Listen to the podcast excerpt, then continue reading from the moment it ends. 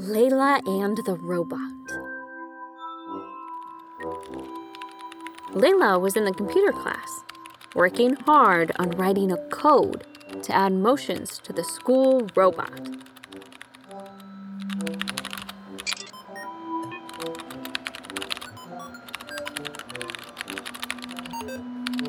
She lifted her head and realized that she was the only one left in the classroom. She quickly turned off the computer, pushed the robot's off button, grabbed her bag, and headed to the door. Just as she turned off the lights of the classroom, the robot's lights came on. The robot called out, Layla. Layla was stunned for just a second. She turned her head and saw that the robot was moving toward her. Hey, you, she said. Did you want to hang out with me today? All right, come on. Let's go and take a peek into Layla's world. Now, I have a tennis class at school. Maybe you can even help me pick up the balls.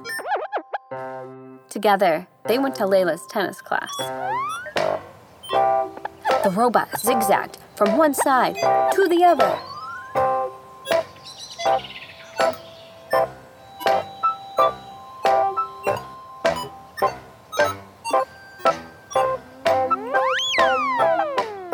Towards the end of the class, it was quite exhausted.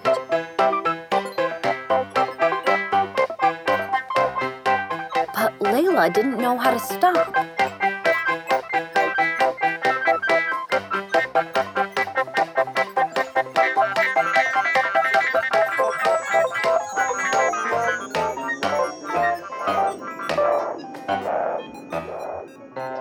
The robot stopped oh. suddenly, raised both arms, and said, The robot worked too hard. They came home from school, ate their healthy snacks. As the robot was gulping down his last bite, Layla grabbed his arm and pulled. The piano teacher had arrived. They studied piano together.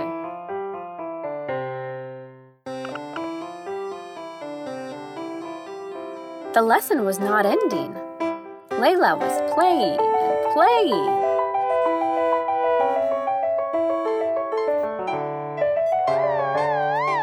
By this time, the robot was perhaps a little overheated.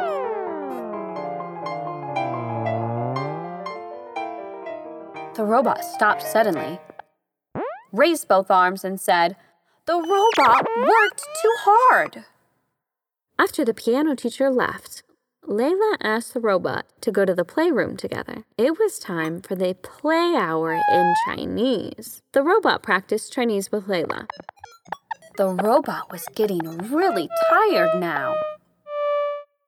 Just as it was ready to relax and put up its feet, somebody called out from the other room Layla, it's time to do your homework. Layla ran to her room. First, she played a video game which helped her practice even and odd numbers.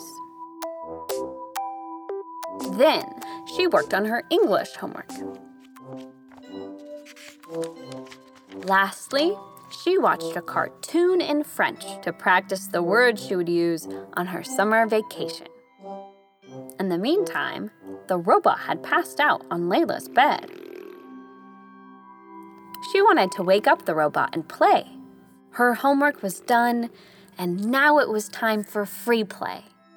But Layla could not wake up the robot, no matter how hard she tried. She pressed its on off button. The robot slowly raised its arms and said, The robot worked too hard. At that moment, Layla realized she was also really tired. She too lay down next to the robot, tucked the robot and herself in.